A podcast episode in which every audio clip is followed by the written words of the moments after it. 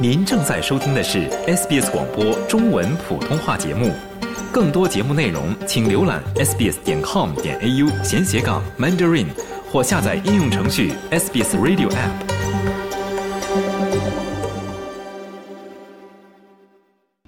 从法律角度看待社会现象，以专家意见指点生活迷津。请听现场说法。现场说法，您了解法律、咨询问题的空间。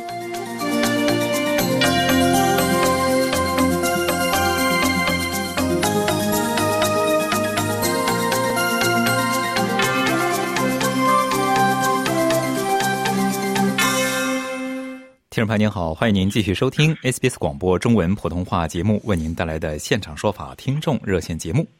我们看到联邦政府提出对移民签证系统进行改革之后，有一些新政会从下个财年，也就是今年七月一日起生效哈。那么在今天的现场说法听众热线节目中呢，我们邀请澳专教育移民有限公司的移民代理 Bonnie 呢，和您聊一聊七月一号起生效的移民签证新变化。我们的热线电话依然是一三零零七九九三二三一三零零七九九三二三，非常欢迎您参与节目，咨询任何与移民签证有关的问题。首先来连线本期节目嘉宾波尼，您早。哎，早上好。非常谢谢波尼做客我们的节目啊。嗯，波尼能请您给我们在节目中介绍一下，就是说从七月一号起，也就是新财年起哈，这个澳大利亚的移民状况的一个整体现状吗？比方说这个移民人数会有大的变化吗？呃，其实就是说整体来说，就是跟我们现在这个财年二零二二二三的话，就是有大概五千的一个下调，那就是从十九万五千下调到就是十九万这样子。那当然就是大家啊听到下调了，那就可能是一个坏消息，嗯，或者是是不是收窄的那个移民政策或者怎样？其实我个人认为还不是。暂时还不是，就是未来我们二零二三二四，就是七月一号开始的这个新财年呢，就是整体来说呢，还算成是对移民来说还算成是不错的。然后呢，就是说那这五千跑到哪里去呢？为什么有这个下调呢？最主要其中就是因为一些签证，可能就是说啊一八九的这个。独立技术移民的签证类别里面，其中有一个小分支，就是那个新西兰的那个，就是说那个分支呢，它就是变成新西兰的公民在这里就不再需要通过一个永居的途径再获得那个公民的身份，那他们不需要申请永居了，这样子就会有一个调整，原本就是说啊留给他们的那个份额就可不再需要了，所以这里有一个小调整呢，是从这这边跑出来，另外。有一个比较重要的一个减下调呢，就是其实是比较影响我们可能就是说，呃，中国中国的中国，或者是呃台湾呢、香港、澳门的申请人比较多一点点，是针对那个商业投资移民，因为一个这一个是属于比较就是火热的一个，就是传统来说比较多申请人是来自于中国、香港、澳门啊、台湾地区的，所以就是说，呃，这一部分就是从五千的名额改成。是下调到一千九百。那移民局对这一个修改，其实它是有说法的。他的说法是说，因为因应就是疫情，然后后疫情的一些就是经济发展啊，还有就是一些啊我们的一个重心的一些技术的短缺，所以呢，就是说我们会针对于就是想把那个重心放在一个普通技术移民一八九啊一九零啊，然后就是说偏远地区的四九一，甚至乎就是雇主担保这一边。希望可以快一点去缓冲，就是哎，因为疫情做成的一个，就是说全面的一些技术短缺，所以这个是有这个原因在背后，就是不是啊，针对我们不再需要这一些专才或怎样，只是一个，就是我们说这一个财年，未来二零二二二三二四的这个财年的一个。啊，临时的一个就是说一个啊调整，所以呢，我们就是在这一个啊配额上来说呢，这一个小调动呢，其实对整体的一个操作其实影响不大。大家比较关注的一些普通移民、普通技术移民类啊，还有就是海外学生比较比较，这一个是海外学生在这里可能我们升学的时候，同时一个比较有优势的就是申请这一类型的签证呢，其实也没有太大的一个。波动，然后就是啊，针对家庭这一边，其实配额维持不变，就是五万二千五百左右，所以这一个就是大概配额上的一些就是啊调动，那整体还是往好的那一边去发展的，我个人认为。嗯，我们在新闻中其实也报道过哈，就是说除了这个配额有少的调整之外呢，还有另一个呢，就是说。他为了缓解这个签证积压的问题呢，他会把一些签证的价格上调哈，以这个加快签证的审批进度哈。就这个价格上涨，从一月七号起会有哪些价格上涨的调整吗？嗯，签证的这一部分来说呢，诶，大部分的签证啊，其实就是一个上调的大概百分之六左右的一个调整，那就是小部分会超过这一个数额的。那比方说旅，我们常常会有就是啊，听众都有很多就是，比如哎，家庭里面的人过来探亲签证啊，working holiday 就是那个打工旅游的这个签证啊，或者是一些短期的一些培训类的签证呢，这一个他们的份额的上涨大概是百。百分之十五，然后呢，就是说刚才也说到，就是说商业投资移民这一块的，那签证的调整，这费用调整会相对来说比较高，那它大概是百分之一个百分之四十的一个调整，所以呢，就是说这一个是移民局给出来暂时就是说一个啊份，就是一个百分比的一个增长，那实际上的那个数字呢，就是实际上你要交的那个粉。呃，那个那个款呢？到时候那个申请费用，我们七月一号之后，它的系统就会调整，然后呢，我们就可以看到，哎，实际计那个数数值是多少？但现在大概就是移民局说是一个大概六到四十百分之六到四十的一个增长，但大部分都是百分之六左右。嗯，非常欢迎听众朋友继续拨打热线电话一三零零七九九三二三参与节目，咨询任何移民和签证有关的问题。不，你再请您给我们介绍一点哈，就是说，您给我从啊，给我们从这个好消息的角度来介绍一下，就是说，七月一号起开始有哪些好的、积极的一些政策呢？对移民和签证申请者来说，嗯，其实就是我个人认为啊，就是配额这一个其实已经是一个很好的消息，因为这没有一个大大大幅度的一个调整。然后呢，另外一个就是当然就是说，哎，针对我们这一边来说呢，很多人其实他们可能是。啊，一个我们叫新西兰的公民，那往以前就是说到这一科来，就是我们到这一科，很多新西兰的公民还是需要，就是说先申请，透过一个就是啊永居的步骤，然后才。可以获得申请成为澳大利亚的公民这样子，那在我们这边申请呃，其实居住的澳大呃新西兰的公民其实蛮多的，所以就是说这一方面的人，他们就是说之后他们就是说拿着新西兰的公民护照来到澳大利亚，他们拿那个 special purpose visa 之后呢，他们就可以这一段时间就当成是永居的时间。嗯，符合申请 citizen 的，就是公民的那个永居的时间的话呢，他们就是可以居住跟永居的时间哈，那他们就可以申请直接申请公民，就不需要通过永居这一块了，那就省事很多，省事省时间省费用，整体对他们来说呢是一个很好的一个事情。那针对同学，就是我们呃学生来说呢，现在当然就是说因应疫情的恢复，那学生签证的持有者呢，他们暂时还是可以申请，就是无限期的工作。那呃，实际上呢，七月一号就会恢复到原来了。但是呢，这一个好消息是，原来本身是一个每一个每两个星期工作的限制是四十个小时。那移民局也是在这一边来说呢，有一个宽松的上调，他们呢从。四十就是上调到四十八，那等于是平均级下来，一个礼拜可以多打四个小时的工作。嗯，但是呢，针对一些留学生，就是说海外学生，他们如果是在 H Care 这一个就是这一块工作的话，那他们的那个工作的那个啊许可呢，还是可以无限期的打工，直到今年的年底。所以就是说，这一些是一些临时的政策。工作时间是永久，就是暂时来说是是一个永久的改变，就是四十到四十八每两个星期。但是呢，一些其他的一些修改，比方我刚才说的，哎，针对于在那个 H care 的这一块工作的同学，那现在这一个是属于一个临时，就是可以没限期的工作。但是呢，大家切就是必须要留意政策的常常的更改，然后呢，有什么更改要跟随更改的之后的一些政策来走，就不要让自己的签证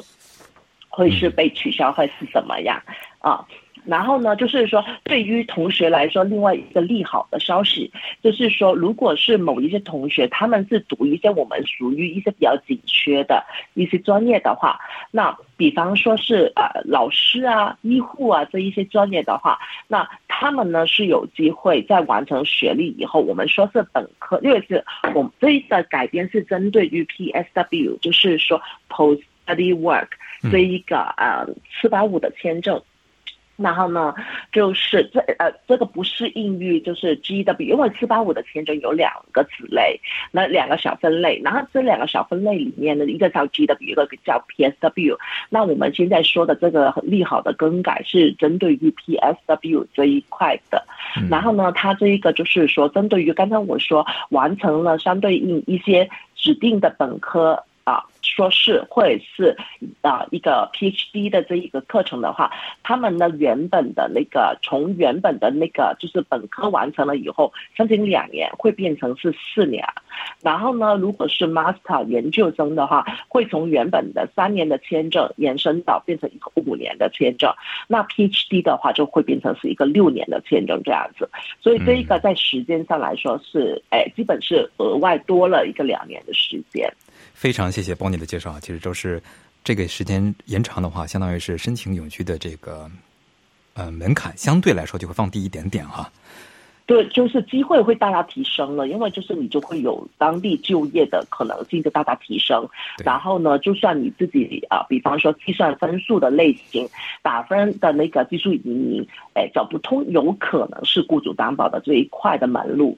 就打通了。非常谢谢波尼的介绍，听众朋友，欢迎您继续拨打热线电话一三零零七九九三二三一三零零七九九三二三参与节目，咨询任何移民与签证有关的问题。接下来我们来接听听众电话，这位是王先生。王先生，哎，你好，哎，你好，嘉宾主持人好，你好，我想请问你啊，那个那个互惠移民哈，那种呢，就是现在移民局批到哪一年的为止？啊。你说的是那个付费的，就是对对，全户会移民是的啊，好好好。然后你是申请是呃，就是排呃，就是一四三的类别，还是是说你是申请呃八六四的类别？嗯，你是在境内申请的，还是是说境外申请的类别？在呃，这个申请就是一四三全户会了，全户会在这个境内申请了。嗯，好，那移民局其实就是说，现在来说，他们诶已经是啊派了，就是因因为我们是说是针对一个日期，移民局是这一个日期的那些申请人，或者是之前在这一个日期之前已经递交进去这一类型签证的申请人呢，他们的个案已经是就是开始分派到移民官手里。那移民局移民局现在就是分派的个案的那个时间表是到二零一七年的五月份。因为我这个亲戚他是二零一七年六月，呃六月中选递交了，到现到下个月就是整整六年了。呃，是，其实就是说，现在移民，因为这一个时间其实只是一个指引啦，就是啊，怎么说呢？呃，移民局因为就是中间他的签证申请其实确实很多，所以呢，就是说，呃，也理解，就是资源可能只是在一某一些签证类别，所以就是说那个时间其实确实是。比以前强了很多，可能你亲戚在二零一七年递交的时候，他的审批时间可能就是四年、四年半或者是五年左右，但是现在已经是现在，如果是针对二零一七年这一帮递申请的话，大概六年到六年半左右的时间。然后呢，就是再往后的，其实移民局二月份的时候也公布了，就最近期新提交进去的申请人，他们都要做一个心理预算，要等到大概十二年左右的时间才会就是。审批啊，所以现在这个时间还算成是比较不理想中的理想的了。那像我这个亲戚，他现在到下个月就是六年，他这个这过了六月三十号就等新年年度，在今年这个二零二三年年底会批吗？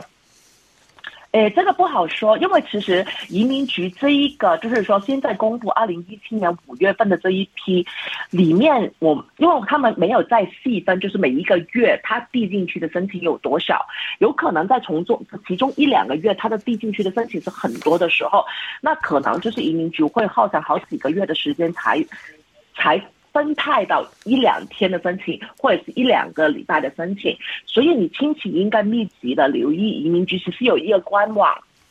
他会公布。你的意思是说，他已经批到二零一七年五月份递交的申请？他现在已经分派到签证，哦，分派到就是这一些申请，对，这一些签证已经陆陆续续的分派去给移民官去做最后的审理，所以这一个是二零一七年五月份的这一些签证，但是不等于。下个月就是六月份的时候，就会做到二零一七年六月份的申请。这个要看移民局手上，呃，五月份这一帮人的人数有多少，然后他陆陆续续按时间递签的日期来分派的。所以你就是你亲戚可以紧密留意着这一个。但是如果他是一七年的六月份递进去的申请呢，现在应该距离也没有很远了。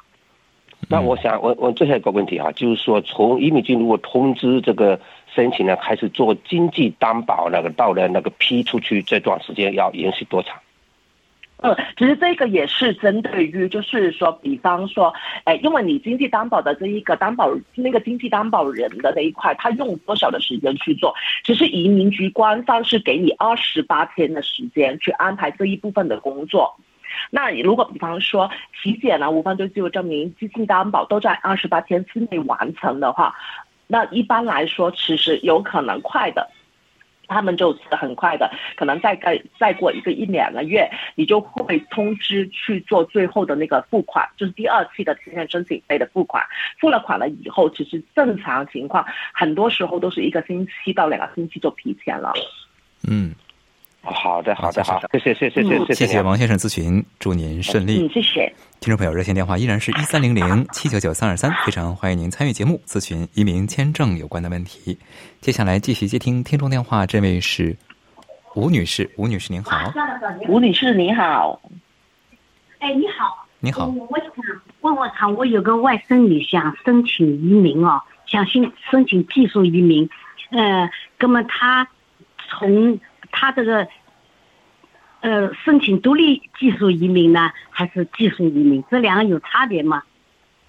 哦，其实是这样的，就是技术移民底下，其实一般来说我们会有分开普通技术移民，就是包含了，就是常常我们都会说技术移民，其实很多人都是是说这一这一个小小呃这一个这一这一部分。那普通技术移民就是包括一八九一九零，就是独立技术移民，州政府担保的永居一九零，还有这四九一，包括是中间会包含技术担保或者是偏远地区的那个政府担保，所以就是一般是这一块。但其实技术移民里面还有包含就是雇主担保或者是商业投资移民的这一块，都是属于技术移民，所以就要按照看就是你的亲戚。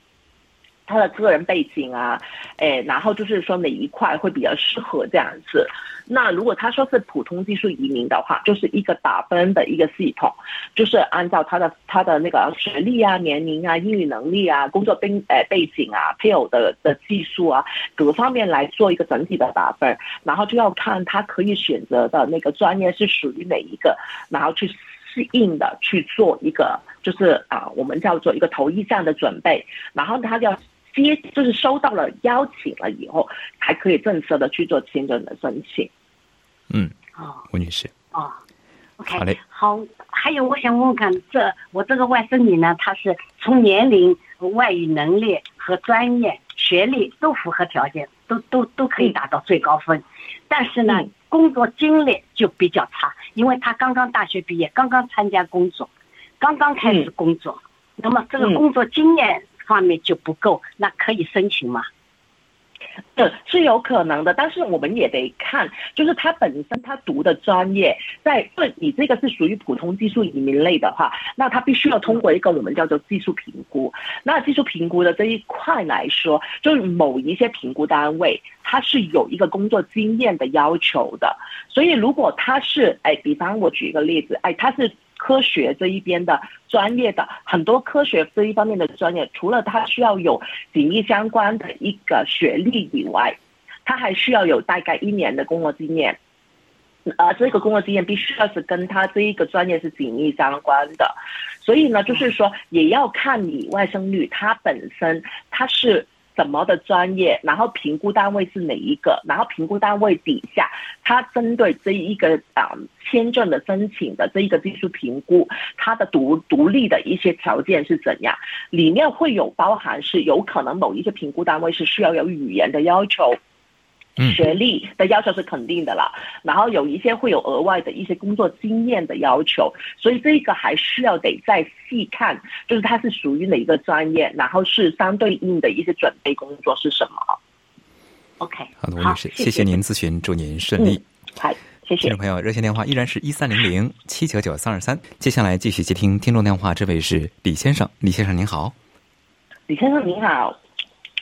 啊啊，主持人早啊，嘉宾嘉宾早，您早啊！我想问一个那个旅游的问题，就是旅游签证的问题，就是现在是不是还是，如果国内想有人，比如我亲戚啊，我朋友想过来是，嗯，三个月或六个月签证是还是需要先发这个邀请函，然后在国内这样签证吗？还是说现在的呃流程已经简化了，不需要做这些事情了？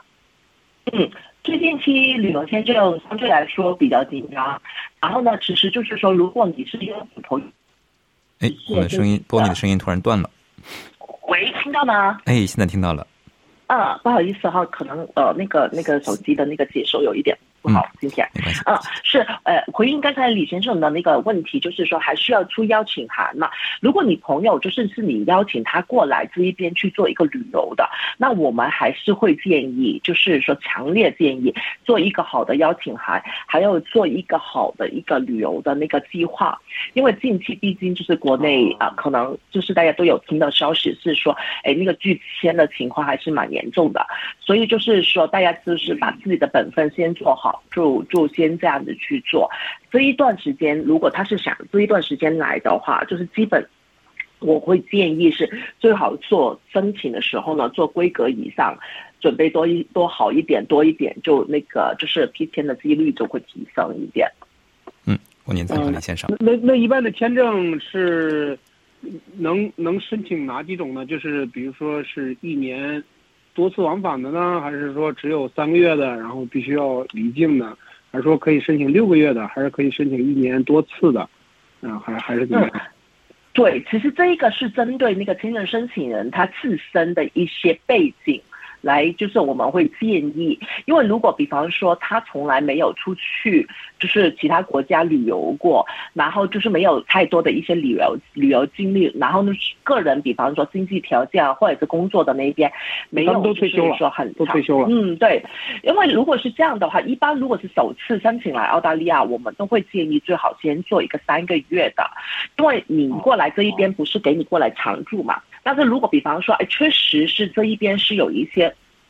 哎，比方家里的人比较多在这边了，已经分隔三年了，就是因为疫情的原因就没有见面啊，也没有回这边的人没有回去过，那这个这个机会过来想申请长一点的，那你可以，但是就是说，哎，你要就是比，因为申请旅游签证最重要是移民局要看到这一个人，这个申请人会有回国的很明确的回国的意图。明白吗？那如果你申请越长，你从来没有来过，申请也没有去过其他国家，申请越长的话，会让就是很容易让人想，就是说，哎，你这个呃用途是什么？你是否真的确实需要逗留这么长的时间，有这么多的事情要去做嘛？就这样子，所以我们做这个整整体来说，先希望可以批签一次。然后批了一个有一个好良好的那个背景来了以后也按时走了，有一个良好的出入背景，然后再申请长一点呢，就相对来说操作上比较容易。嗯，那国内的这些存款之类的还需要说提供多少吗？还是说现在没有什么太多存款的这种需求？要要求？你其实就对，就像我刚才说的，这这一这段时间，其实旅游签证比较紧张，然后呢，就是说你还是就是你确实的去考量这个人来这里的目的啊，或者是要逗留的时间多长，因为你越长的时候，等于你需要有的资金就会越多，要不然你怎么怎么在这里逗留，对吧？嗯，好的，行。最后一个问题就是，如果拿到了澳洲的签证，然后能去新西兰吗？还是说不能？嗯，你这个是呃超越了我我我那个专业范畴了，因为就是说新西兰的那一边，你就需要得问新西兰的那个就是领馆，然后他看他们的要求是怎样，一般是需要的。OK，没问题，谢谢。好，谢谢李先生，祝您顺利。好，好。接下来我们继续接听听众电话，这位是 Tony，Tony 您好。哎，你好，你好。你好，你请讲。你好，你好，高领生。呃，我想请问一下，就是我们家的老人现在是申请那个幺四三的呃 contribution visa，但是呢，他申请的是二零二零年申请的哈。嗯。刚才听您说，他现在可能需要等待时间超过了十二年了。嗯。对，这一个就是说，对。嗯。呃，人人是在这个境内，就是我们想说他已经超过了六十五岁。是不是可以申请一个那个年迈类的那个转转转申请一个年迈类的那个贡献类父母移民？嗯，好，哎，六十五岁呢，先现在我我们要得看，就是说父母是哪一年生，那按照你需要就是按照就是说 Centrelink 里面有一个 age pension 的一个年龄，然后呢，一般来说现在其实差不多是六十七。到了六十七点五这个水平，所以就是说，呃，你如果是刚六十五的话，一般应该还没到那个 age pension 的那个年龄的那个 age 的那个年龄，所以你得需要，因为它会有一个很清晰的一个小的一个表格，一个小的表，然后你可以看啊，如果是一九五二年前后生，然后一九几几年生的，那你需要达到多少岁才属于 age 年迈数？六十六点五六十七这样，所以诶，对，回应你的问题，应该他们还正常，应该还没达到那个 age 的要求，但是你可以先去确认这一个，如果确认了以后是行的，那他们就要看他们现在拿的签证。如果是旅游签证，你就要看他有没有八五零上的条款，就是 no further stay condition。如果有的话，先得需要申请豁免。豁免如果不下来的话，他们还是不可以在境内去操的操作下一个签证。然后，所以就是这一些有一系列你需要留意的东西，然后才可以。我还想问一下，就是比如说他拿到了这个年迈类的呃，可以申请这个签证，他是不是立刻就可以有一个 bridging OK，那你年因为呃，就是配父母移民的这一块呢比较特殊，你同一时间只可以有一个是移民，就是永居类的一个父母签证在里面，所以你先得把一四三给给车了出来，然后立刻去申请这一个就是年迈类的，然后呢，你年迈类的这一个呢，你要移民局收到你申请了，确认美关就是全都对了，是一个 valid visa application 的以后，才可以出 bridging visa。就这样子，所以你要看你的时间是否足够，因为你需要邮递到 Perth 那边去。非常谢谢波尼的介绍，也非常感谢听众朋友们打入电话的咨询哈。那么以上就是今天的节目，因个人情况因人而异，本节目仅供一般性参考，并无意提供任何个案建议。喜欢、分享、评论，欢迎您在 Facebook 上关注 SBS 普通话页面。